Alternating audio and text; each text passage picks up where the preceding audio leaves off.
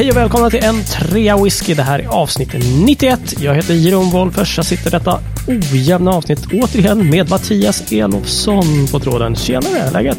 Jo tack, det är bra. Den här eh, förkylningen som jag trodde var på annalkande inför julavsnittet där, det är bara, den bara försvann. Det, det är alltså bevis att whisky funkar, eller? Japp. Strålande. Jag vet inte. Nej, men, ja. Ä- Även för, ja, men det var ju skönt att höra. ja, jättehärligt. Fasen vad bra. Ja. Du, eh, och sen så sitter vi ju med, eh, ja vad ska vi kalla honom? Jackson. Augustas Tom Waits eller någonting. Ja. Ja. Nej. David Tjäder är med oss och vi är så glada för att ha dig här David. ja, Det är ju eh, för att använda det nya en trea whisky-ordet där. Det är ju, eller hur Mattias? Det är det, det är det. Götte. Ja. Jo. Ja, fasen. Ja, men Eh, du Skönt ser- att vara tillbaka. Ja, du Ja, låter, du låter eh, intressant. Ja, alltså jag... eh, Jag tycker jag känner verkligen att jag har fått... eh, Jag har fått allt av livet. Först förra året hade jag corona. Mm. Var sjuk ordentligt i typ 6-7 veckor. Sen hade jag ju kvarhängande symptom till juni ungefär. Hade jättemycket sjukfrånvaro. Hade jättesvårt att koncentrera mig, vara analytisk på jobbet och massor med, med liksom diffusa konstiga eh, problem. Sen kommer jag ut ur skalet liksom någon gång, så här juli, helt plötsligt allting flyter på skitbra liksom. Eh, tar mina sprutor precis som man ska förstås för coronan. Och sen så nu för en dryg vecka sedan så fick jag corona. Ja. Det känns som att det är så här, det ska vara allt på den här, just i den här kroppen. ja, men det står ju på din... Det står ju på din tatuering. Ja, det ska vara allt på det här livet. Precis, det ska vara allt i den här kroppen. Ja, All lever- corona till David, vår Ågesta-hostare. Du lever som du lär. Ja, exakt. Sluta gnäll. Ja, ja, jösses. Ja, nej, så det ja. var ju trist att inte kunna vara med i förra avsnittet när vi skulle spela in. Men nu är jag ju... eff- alltså jag, det finns ju en viss risk att jag är ännu mer motormouth än normalt. För att det här är ju Oh min God. första... det är min första interaktion med någon annan än min flickvän på åtta dagar. Det här, Ah, att vi spelar in nu. Ja. Jag har tittat på tv i åtta dagar. Plus, plus att jag kan tänka att du är lite, lite nervös över att liksom missa ett avsnitt till. För då är det ju bara morsning och goodbye. Ja, då är det ju en är- tvåa whisky alltså. Det går ju inte.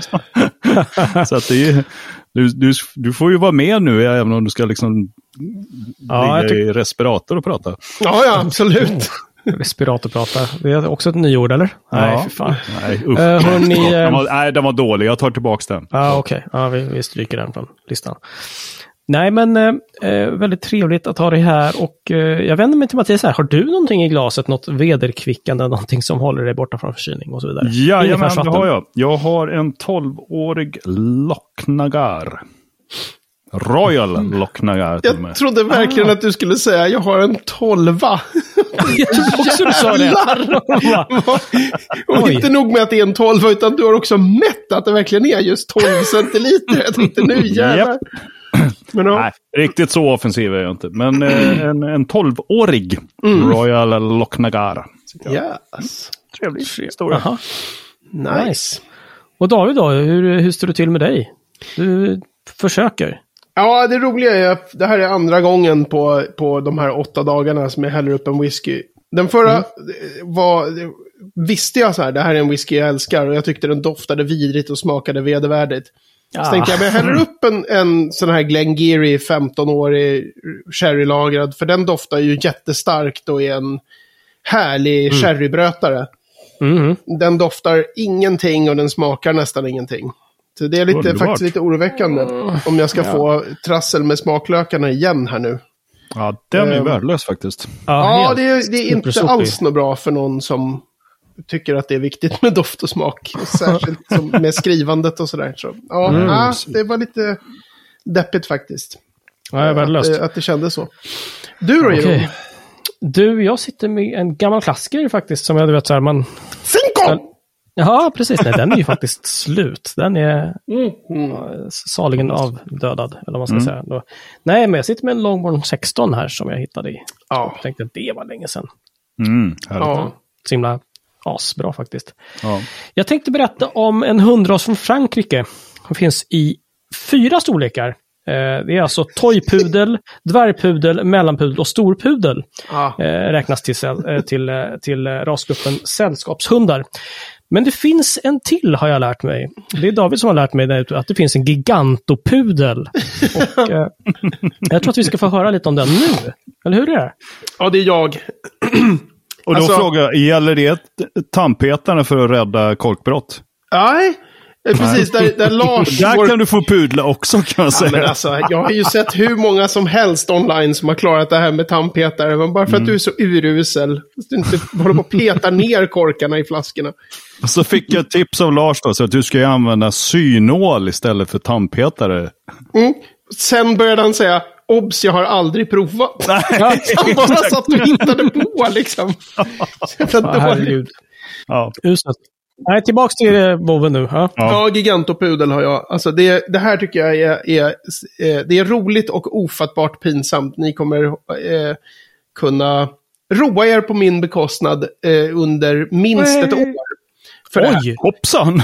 För att, ni, ni minns förra, inte kortavsnittet, men förra avsnittet när, eller om det var det, där, när, när eh, du sa Jameson, Mattias, som Ja. destilleri. Ja. Ja, just det. Och sen, och sen efter, och då satt jag och var så här, eh, hur var det nu med Redbreast liksom? Och sen så sa jag till avsnittet efter det, nu har jag kollat upp det här, att Redbreast, det görs inte på Middleton. Och så Ja, var det. veckans destilleri då Cooley. Och jag började skratta och sa så här, det är helt otroligt för det är de som gör Redbreast. Ja, just Det är det. inte alls de som gör Redbreast.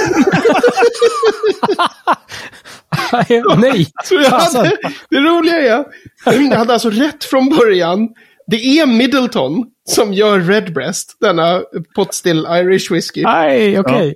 Och det roliga med det, det är så många saker som är roliga. Dels så har jag nu i två olika poddavsnitt presenterat Middleton och båda gångerna bara, är det de som gör Redbreast? Sen har jag alltså kollat upp det Mm, mm. och sett att det är eh, Middleton som gör Redbreast. Och sen har jag på något sätt ändrat det där i huvudet och fått för mig att det är Cooley. Suttit och gjort en stor grej av att jag ska rätta till någonting som är fel. och ännu roligare tycker jag att det här visar så här, när det gäller våra lyssnare. Och alltså, det, här, att det är väldigt typiskt att jag gör den här tabben när, på, för irländsk whisky. Och vad lite koll folk har på irländsk whisky. Därför att Ja. ingen har ju påpekat det här. Nej. Ingen, Var det- alltså det har ju, våra avsnitt har ju ändå så här, typ 500 lyssnare. Och var Ja. är Olof Nureus när man behöver honom? Ja, men precis. Han, han följer ju uppenbarligen inte en trea whisky, för då skulle han ha stått och gjort fish slapping dance i, i kommentarsfälten. Mot med någon sån här halmgubbe med David Tjäder-ansikte.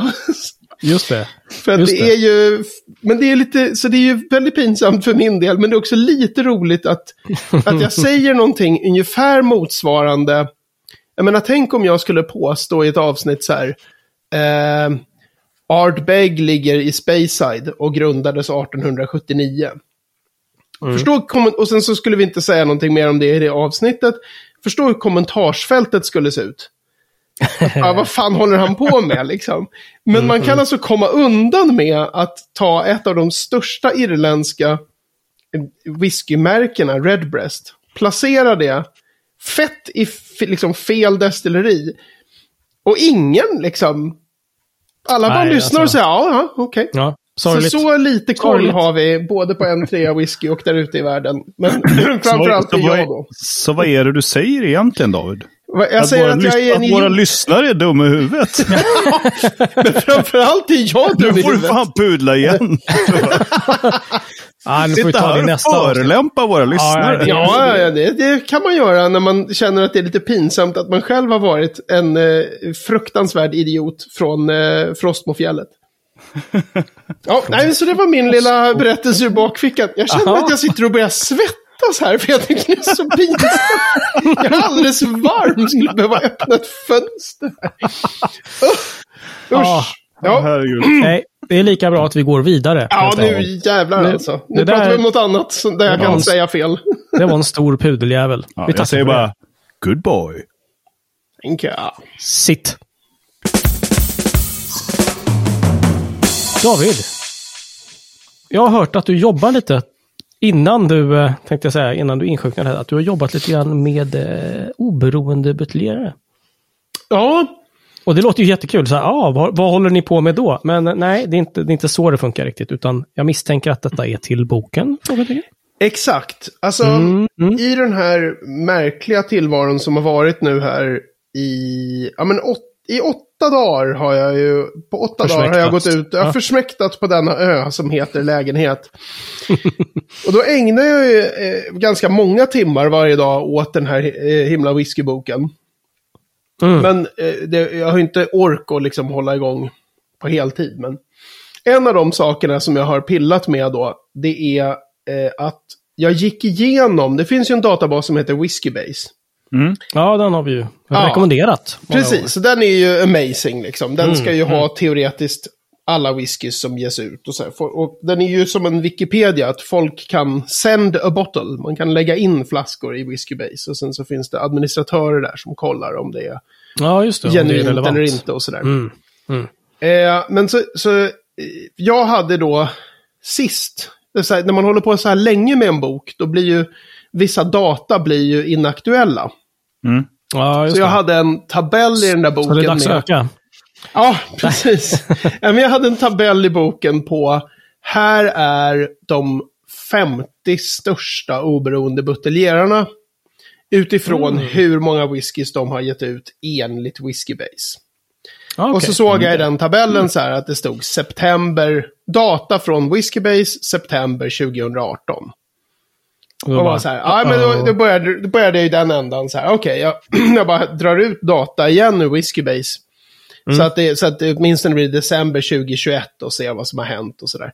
Mm. Och då blev det ju problem liksom att den här tidigare, jag hade någon tidigare gräns för så här, men för att en oberoende buteljerare ska få vara med i den här boken Mm, mm. så ska de ändå ha gett ut typ en 40-50 whiskys. Jaha, okej. Ja. Så att, det ja, är men så då- att de har lite liksom. Ska man ta med Ja. alla som har gett ut åtta whiskys, då blir det ju liksom, det blir alldeles Mm. för mycket. Just det.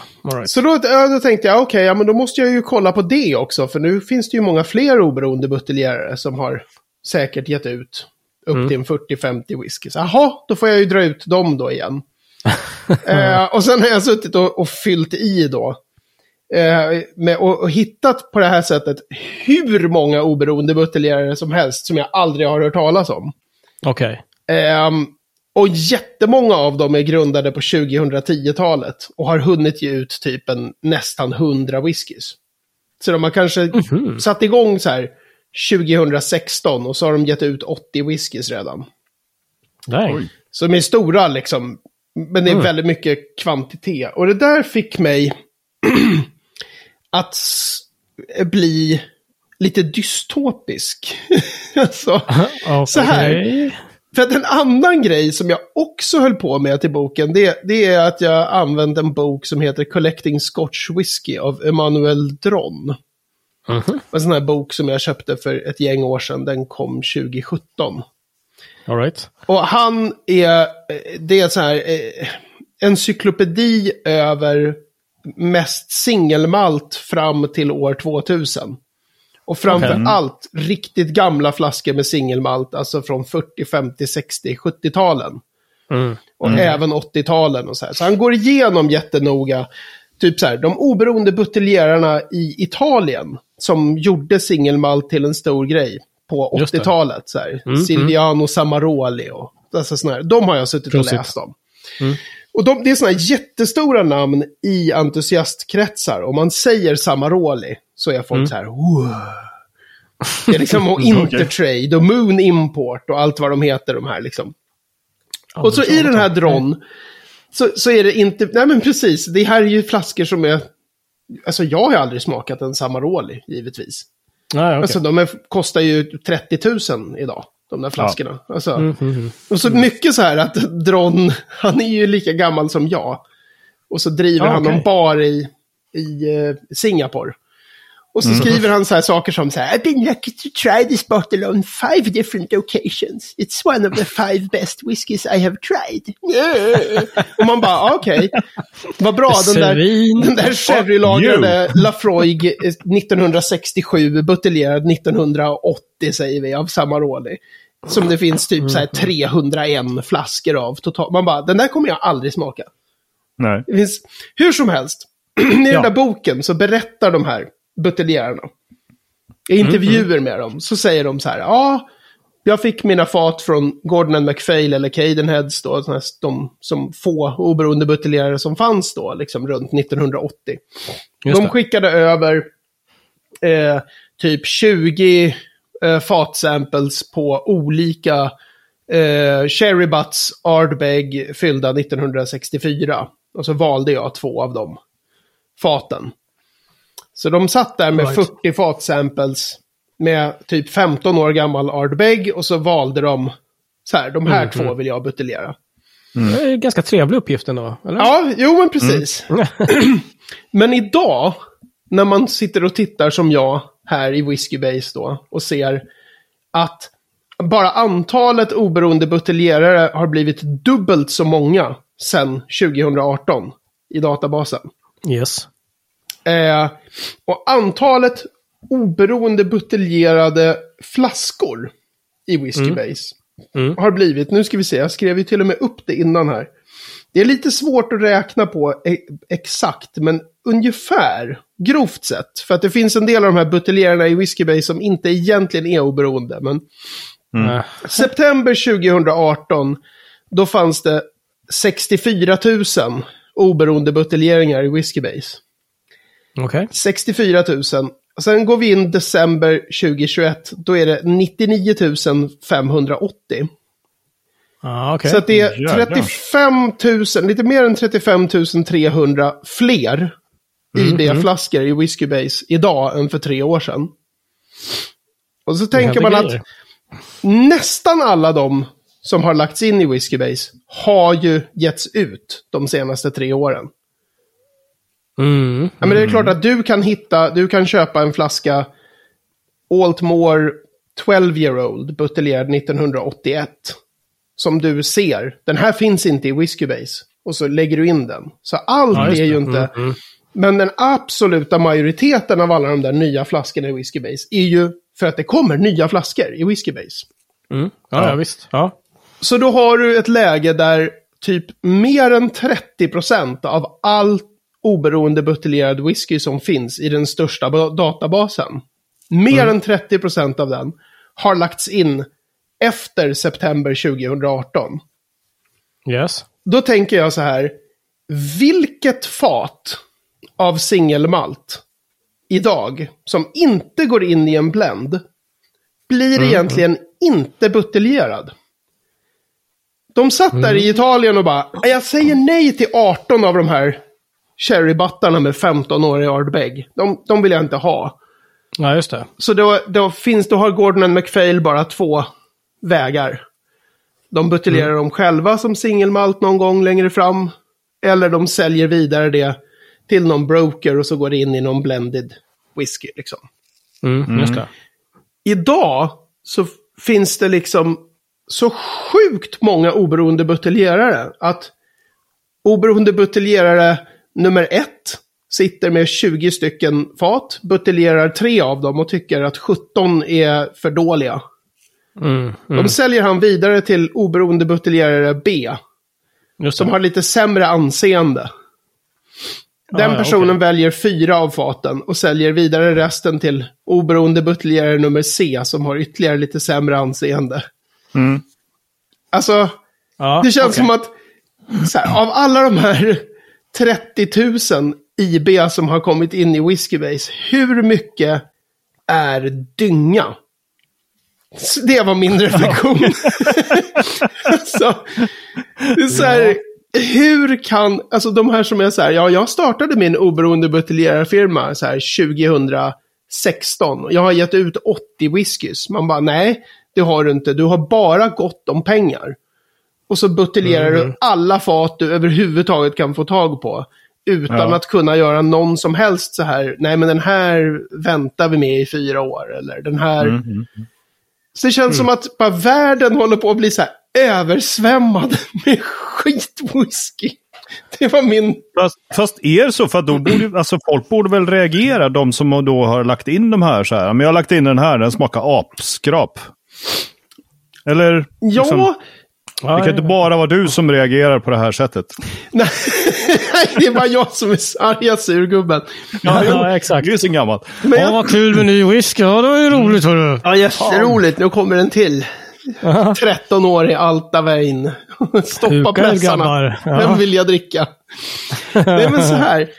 eh, jag tänker mig också så här att det är en sån kraftig, alltså whiskymarknaden är så hysteriskt överhettad.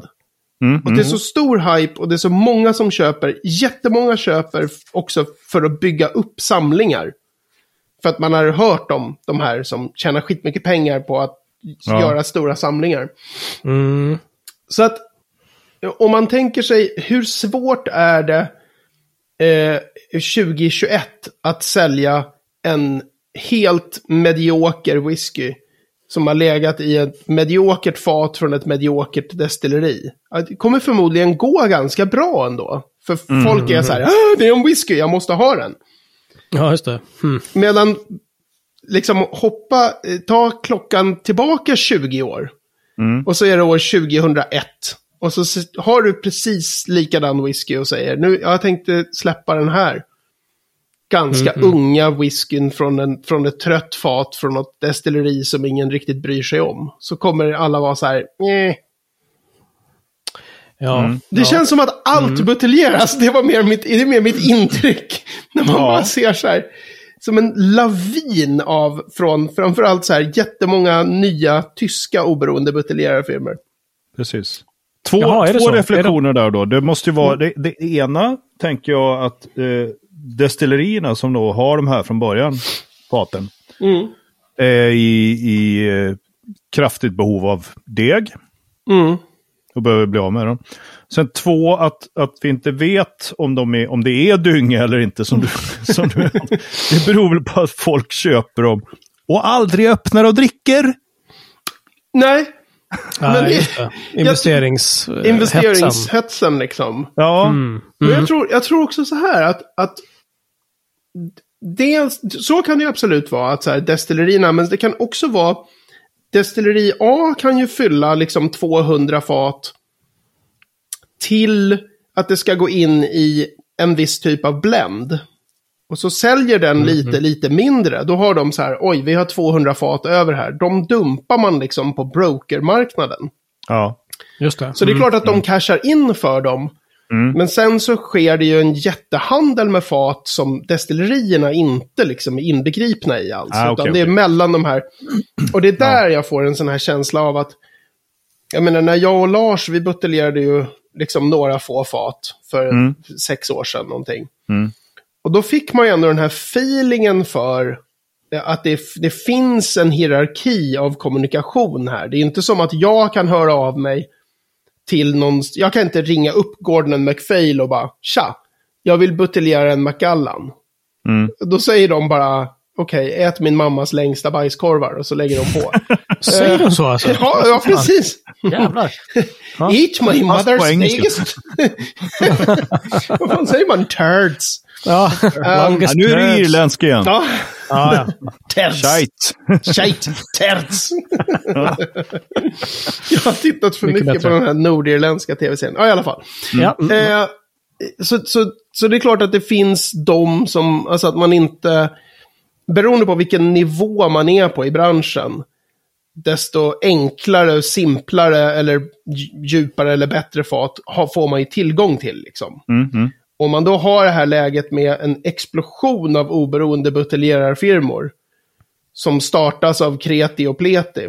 Så kan man se på deras utgivning att så här, namnen på destillerierna är inte så jättekända. All whisky är mellan liksom 8 och 13 år gammal. Mhm. Allt är lagrat på refill bourbon hogsheads. Det är världens bästa fat, men då ska det ligga i liksom 25 år för att bli något. Mm. Mhm. Eh, om ni frågar mig. Men så man, jag, jag får liksom ett intryck av att så här, finns det några fat som inte buteljeras så?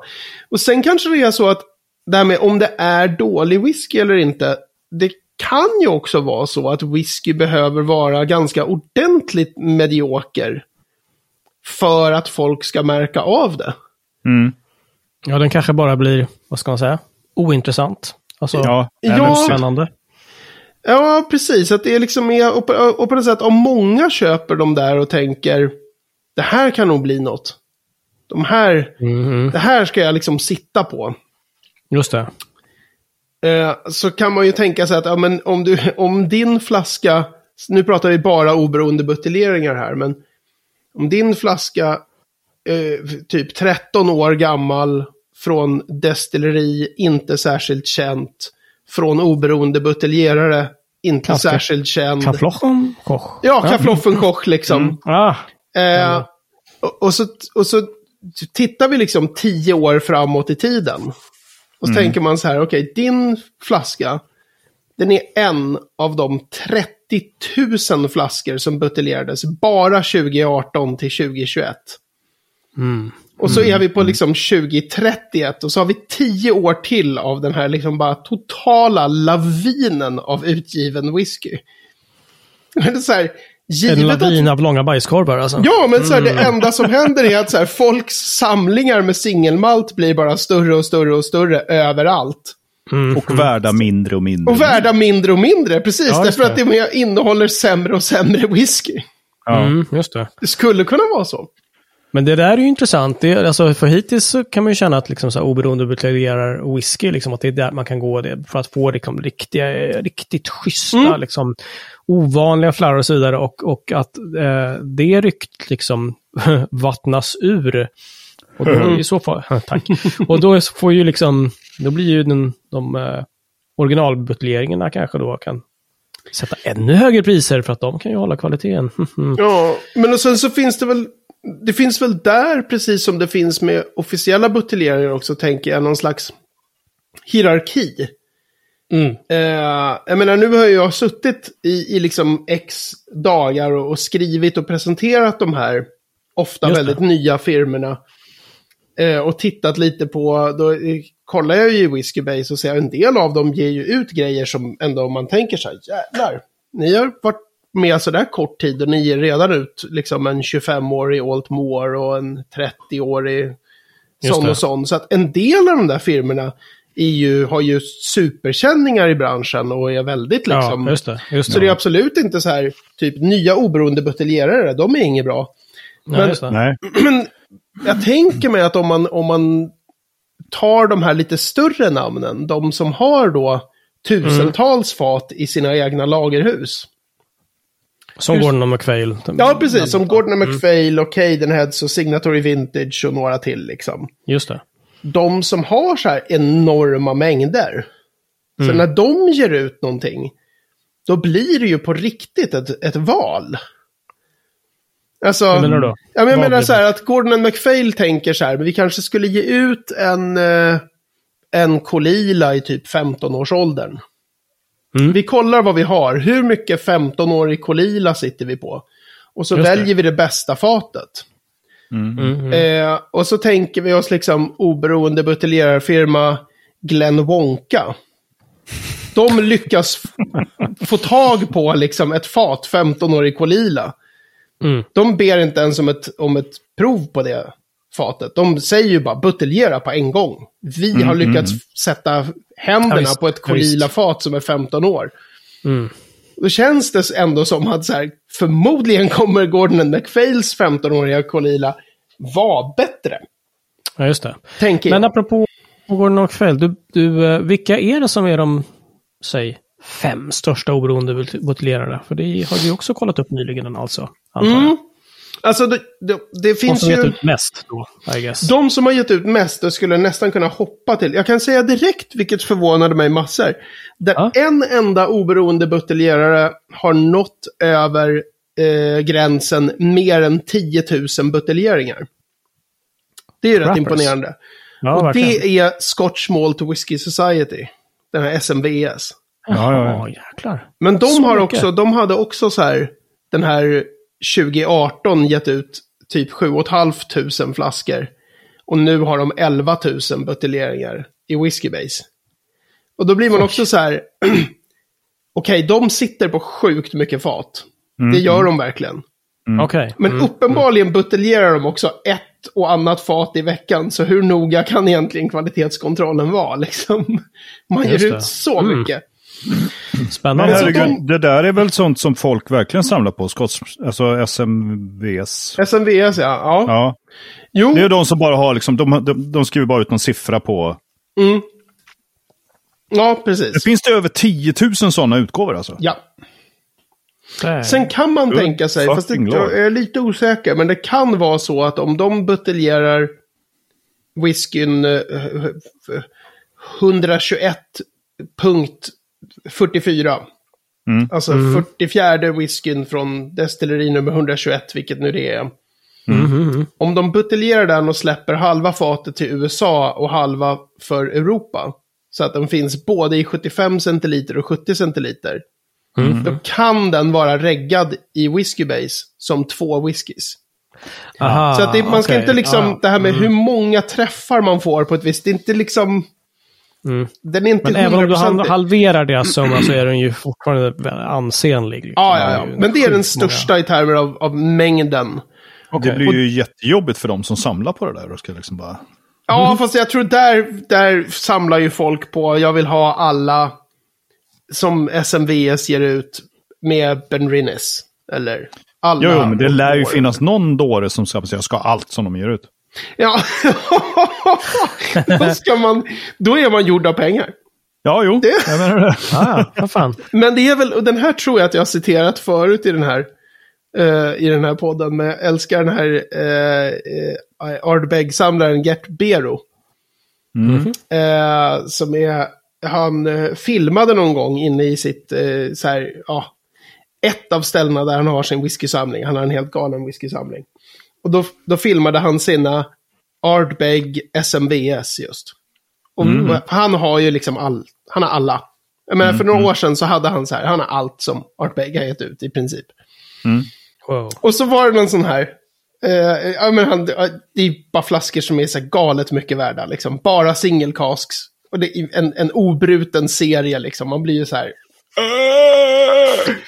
och så är det någon näsvis jävel som kommenterar så här, men att ha en sån här samling och inte öppna något, det är som att ha en, och så någon sån här dyr bil.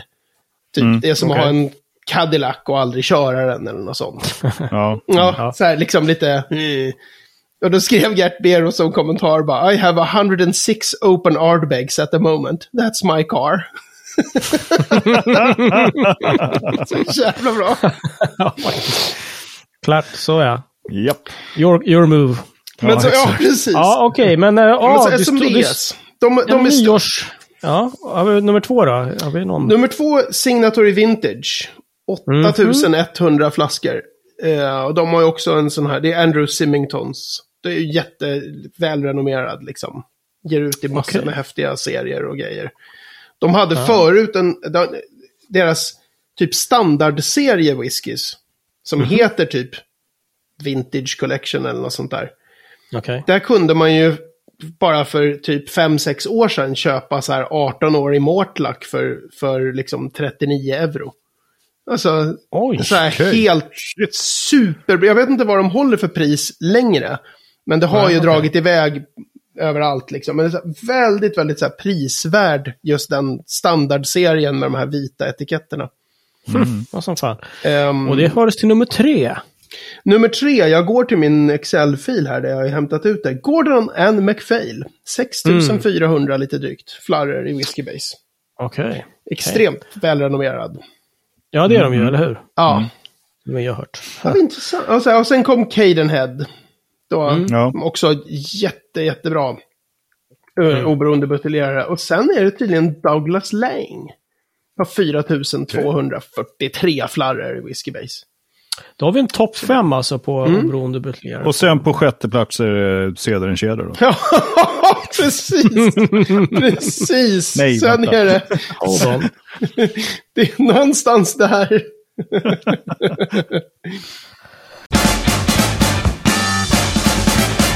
Vi bryter för en uh, lyssnarfråga, eller ja, ett konstaterande kanske, men också en fråga. Det är nämligen uh, Fredrik som stavar med PH. Fredrik. Ja. Fredrik. Det är som Lena Philipsson. Just Ja, det, exakt. just Som det. så. hade Ja, precis. artistnamn Lena ett tag. Japp, Ja. exakt. Han tackar för vårt engagemang i Ibsen, svenska uh, whiskysfären. Jag tror att det betyder i den svenska whiskysfären. Eh, och hans kontenta, han skrev att han skulle, han hade för lite tid att spela in sig så att han skrev här istället, verkar det som. Kontentan är att kommer vi få se fler standardut, standardutgåvor på 46% när 46% alkohol alltså blir mer populärt i whiskynördskretsar. Också ett PS, jag har inget coolt pseudonym, får stava mitt namn med PH, PH istället för F istä- eftersom Phil stavar sitt namn fel. Ah! Han är Läckert! överallt, Phil Mm. Collins. Phil, Phil Collins, du är får snart ge dig till känna. Ja, eller hur? Men, var, ja. Fredrik med PH, det tyckte jag var roligt. Ja, det var fint. Alltså jag Fredrik. tror, det här vore ju, nu växer ju min så här, det här måste jag ta reda på. Eh, min whiskybase-koll eh, blir så här. Jag skulle säga att den utvecklingen som han frågar om redan är igång. Alltså den att framförallt singelmalt då slutar buteljeras på 40% eller 43% och har kommit upp till 46%. Eh, även att en hel del som eh, Mm. Burn Stewart Distillers, va? de som har Bonahaven, Tobermory, Deanston är det väl. Okej. De har väl 46,3 tror jag. Det är Aha. deras här grej. Mm. Eh, eh, Bloodknock har någon sån här 46,7 eller 46,8. Det känns som att Ska alltid vara lite annorlunda. Ja. Exakt, och Mackmyra kör ju sina på 46,1. Alltså det känns som att en del destillerier också väljer någon sån här som ska vara... Om du kollar på din Longmorn där tror jag att den är 48, Jeroen. Det är den. 16, Absolut. ja. Korrekt. Eh, men så jag tror att hela den grejen, om, man titt, om, vi, om vi kopplar tillbaka till de här Gordon and MacPhail, de började ju sin serie Connoisseurs Choice 1968 ge ut singelmalt i. De är på 40% allihopa. Det var Aha, liksom okej. 40% var som man gjorde. Mm, Och sen så puttade de upp dem till på 43. Och sen till sist, ganska nyligen, så, så följde de liksom efter trenden i whiskyvärlden och bara, "Ah, men vad fan, vi kör väl 46 då, som alla. Ja. Liksom. eh, Ja. Men det är så att jag, jag tror att om man tar särskilt officiella buteljeringar från typ 15 år och uppåt. Så Mm. tror jag nästan att det är vanligare att de är på 46 än på 40 nu. Det är nästan lite, alltså det är eh, de här Dalmore. Som Mm. ska vara ett så här superexklusivt eh, märke på något sätt. De kör fortfarande 40% på liksom svingammal whisky. Jaha, okej. Det är ju Just det. någonting som gör att de liksom, bland entusiaster så fnyser man lite åt det där. Mhm. Tycker jag på ganska goda grunder. Alltså jag tycker ju egentligen att en del är ju besatta i att allt ska vara fatstarkt. Det, inte, det tycker inte jag att det behöver vara så. Men alltså 40, det är Nej. väldigt få whiskys. Som om man tar hoppet mellan 40 till 43 eller hoppet mellan 40 och 46. Det är jävligt ovanligt att, att liksom whiskyn är bättre på 40 än på 46. Aha, Den, okej. det är ju ändå en smakbärare, liksom alkoholen. Det blir det. mer Mm, omf och drag i doft och smak Ja. På 46. Alltså jag är ju så van vid att, att köra från 46 och uppåt att jag tycker ju 40 smakar ganska jolmigt. Mhm. Ja, okej. Eh, så. All right, så där. Så, ja, att- så men kan man ju att- få ja. flera whiskys då, att man vattnar ner den lite och sånt där. Ja, precis. Och då kan, Okej, men då kan det ju vara något annat. Du kan ha den på 46 och sen dra ner den till vad du nu drar ner den till när du vattnar. Då händer det ju Ja, massa saker Mm. som händer precis just då i glaset. Just det. Det kan vara massor vitala, häftiga grejer som är. Ja. Men då får du ju uppleva den. Hur den var Mm. Ja, först och nu blev den så här. Om den redan är på 40, då blir ju det här... finns det då inte så mycket att det finns inte så mycket att vattna, till, liksom. precis. Nej. Så. Mm. Men så jag... Ah, spännande. Mm. Bra där. Så att eh, det är svaret till dig, Fredrik, att eh, vi är redan på väg. Du, är, du befinner dig i revolutionen. Välkommen. Veckans ord är eh, som vi brukar göra, tänkte jag nästan säga. Det är två. Ha! Så det är så.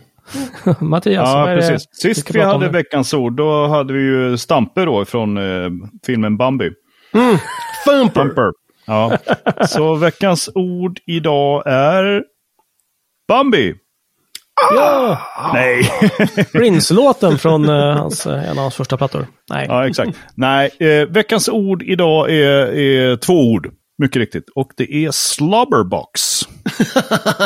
Ja, There you go. det är... There you go you slobberbox. Det, är, det här är. Det låter lite snuskigt tycker jag. det är ganska Ja. snuskigt. Uh, men så här, om inte man, på det sättet som jag tänkte. Nej, eh, alltså jag älskar, jag älskar den här amerikanska, eh, deras sätt att benämna saker och ting. Eh, de är så raka liksom. Så här, varför heter visst. det thumper? Ja, men det är en slags panna som, som hoppar och smäller. It thumps. De bara, då kallar vi den för thumper. när, när man eh, destillerar så att det ramlar över skum från mäskpannan in i line arm i, i Skottland, eller överallt förutom i USA, eh, då, då säger man så här, åh, foul distillation. och just det. I Ja, USA så kör de bara puking. och sen det som, det som, skummet som åker över, det heter då puke. Ja. Det är spyor. Smakar liksom. här då? Spya faktiskt. Och då, då är eh, den här slobberbox, det är en låda och den fylls med slobber, det vill säga klägg. I princip den här puke, det är en låda som går efter line arm. Så, så ångorna åker in i den här lådan. Istället för som en thumper då, då blir det liksom fullt med destillat där som de här ångorna åker igenom. Men en, en sl- slobberbox, jag tycker det är så jävla roligt namn. Det är liksom är mer som att ångorna åker in högt upp i lådan. Och åker ut också högt upp i lådan. Men om det skulle ramla över lite puke här, lite skum och för att man har destillerat lite för hårt. Då ramlar det ner och lägger sig i botten på den här lådan. Så det är verkligen en box som blir Ah. fylld med slobber. som är en ren sån här, framför allt tror jag inom hembränning, att man, att man har slobber boxes. Men, men i, vid, utan att man destillerar så att det fylls med så här slobber, då ökar ju refluxen, alltså kopparkontakten, om man har en. Ja, så det, det är liksom en låda efter. Men man måste älska jänkarna för att de liksom, det är inte så här massa specialtermer, utan de bara, it's a box, it's filled Man with slobber. bara, man väntar ju bara på de svenska destillerierna som ska anamma det här och bara, ja men här borta, vad, vad är det där då? Ja, det är möglådan. vet du." Mögelådan, vad är det den? Den är fylld med klägg. Ja, Precis. och massa jävla bös. Ja, Precis. Det är en låda för böset. Ja. Precis så. slobberbösbox. Ja, underbart. Underbart. Vad bra. Men det är vi framme vid veckans destilleri och det här är ju superspännande. För att eh, varken David och jag har en aning om vad det är för någonting. Mattias, har du något på lut eller? Nej. Nej, okej. det här ni kan hitta. Ja. Ja. Nej. Det är Jo intressant. då. Jag tänker att vi tar ett som är ganska eh, aktuellt. Middleton? Eh, ja, Nej. nej. Redbreast Distillery. Du ska få prata ett... Käften sa jag. Du ska få prata i tre minuter om agitator. Ah, åh. Agitator. Gud, det blir inte lätt alltså att hålla på bara tre minuter. Agitator, de har precis släppt sin första singelmalt eh, och även en kastanjefatslagrad whisky. Eh, så de är väldigt, väldigt aktuella då. Jag har varit på besök där, spenderat en hel dag eh, på destilleriet. Det är ju Oscar Bruno som eh, destillerade på Grythyttan som har ritat och, och designat hela destilleriet. Och sen så eh, när de skulle ta in en person till, nu är de tre som destillerar där, men ett tag så skulle de ta in en person till. Och då såg han till att det blev Christian Wikström som också destillerade tidigare på Grythyttan. Så det är jävligt roligt. finns en rolig koppling Aha. till att de lärde sig så här the hard way med, med deras Grythyttans traditionella kopparpannor. Och han Okej. beskrev det som att han fick det där jobbet på Grythyttan totalt av en slump. Han kunde liksom inte ett skit om de här grejerna. Och bara läste allt som gick att få tag på. Och Okej. av alla människor som, som jag har frågat i relation till, till den här bokmanus så har ingen varit snabbare och mer detaljerad än Oscar Bruno. För han, den snubben kan allt. Det är helt Underbart. sjukt. Så jag har liksom skickat bilder så här halv tio på kvällen och bara, är, fattar jag rätt om det här är en mask? Vad är skillnaden mellan en eh, sealpot och en AC-valve? Så bara, bing! Kommer det svar. Så här, så här. Så jag är mycket tacksam för Oscar Bruno och hans pedagogiska Ah. ådra. Men, Eller eh, brist på liv, jag vet inte. vad sa du? Eller brist på liv. Ja, det med. Han lever för whiskyn. Just det, just det. Exakt. Men agitator är ju inte liksom, det är inte som att han är, är miljardär, eller på säga, miljonär och, och drog igång där, utan det är ju Nordic Whiskey Capital som är pengarna bakom, som är någon sån här stor firma som även var med och drog igång, eh, hjälpte till eh, pengamässigt och drog igång Box faktiskt. Ah, okej. okej. Eh, och det roliga med agitator tycker jag, eh, alltså det, det finns massor kul att säga om deras, de destillerar under vakuum till exempel, som gör att det, man får helt andra kokpunkter och helt andra dofter och smaker som kommer ut ur råvarorna och sådär. Det är ett väldigt så här, hypermodernt destilleri. Mhm. Men det är också kul att de är stora i termer av hur mycket sprit de kokar. Eh, Så att de har fyra pannor. Man kan göra två olika, man kan göra hur många stilar som helst på whiskyn, men de kör framförallt två olika stilar. Högre flux då med mycket kopparkontakt, lågre flux med lite kopparkontakt och lite skitigare. Men de har ju redan ett jättestort whiskylager där i Arboga där de ligger. De kokar väldigt mycket sprit. Eh, och så fyller de faten på 55 eller 50, lite under kanske, alkoholstyrka som gör att den, den liksom mognar snabbare. Så att det är väldigt, väldigt spännande destilleri. Ja, tre minuter. Ha, coolt ju. Har du smakat någon av dem medan du fortfarande hade smak? Nej, det roliga är att jag var ju en sån här som, som fick både, alltså sample på både singelmalten och kastanjefatswhiskyn innan, den, innan de kom. Och sen så Ja, det. låg det. i den här högen av, det här är samples jag borde prova. Ah, Eh, och sen nu känns det ju, det här var ju väldigt oroväckande måste jag säga, med hur det var ikväll här och dricka den här whiskyn. Nu känns det som att det är Vänta ännu mer försenat med, med provandet för min del. Ja, Så jag har ju inte, det har varit väldigt, väldigt, väldigt blandat tycker jag. Mhm. Alltså det har varit, många har varit otroligt imponerade av dem. Mm. Och sen så har jag sett några som verkligen har varit så här, det här är skitdåligt. Så det är ganska Ja, kul. Jag, Mix. jag har, tycker jag lite grann så här att de, de flesta tycker att singelmalten är okej. Mm. Och kastanjelagringen är mycket bättre. Mm. Mm. Men senast idag tror jag det var någon, jag läste någon in på i skåpet som bara, nej men kastanj, uh-uh. Ja, Jaha. det Ja. var inte bra. ja, just det. Jaså, okej. Ja, men Ja. precis. Så det är olika doft... Men alltså med man- den brasklappen av att jag gillar ju inte sånt som är lagat på kastanj, uppenbarligen. Nej, Det just det. Ja, ja, då är det Nej, ju... precis. Jag ja, tycker jag tyck- precis tvärtom, precis som alla andra som jag har läst, att den är den bästa utav de två. Ja, ja, jag gillar kastanjen bättre också. De små, Mm. Jag har smakat den en gång i och för sig, men Ja. bara rent spontant Mm. så var det så att det här var, smakade bättre, tyckte jag. men sen är det ju också Och- så här, man ska ju ha klart för sig att de är, de är ju tre år gamla. Det är ju precis, Precis. precis på gränsen till laglig whisky. Liksom. Så att det Mm. vore ju konstigt om det var så här, fan det smakar lika bra som en 12-årig singelmalt från Skottland. Eller Ja. hur? Nej. Nej. Men, eh, men eh, två andra bra grejer. Snygga flaskor och etiketter. Mm. Skruvkork! Ah, Ja! we love them för skruvkorkar, baby. dig, Mattias. Ja. Ja. det är faktiskt fina grejer. Absolut.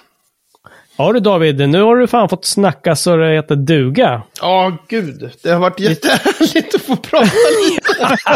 det, det är nästan märktes på dig.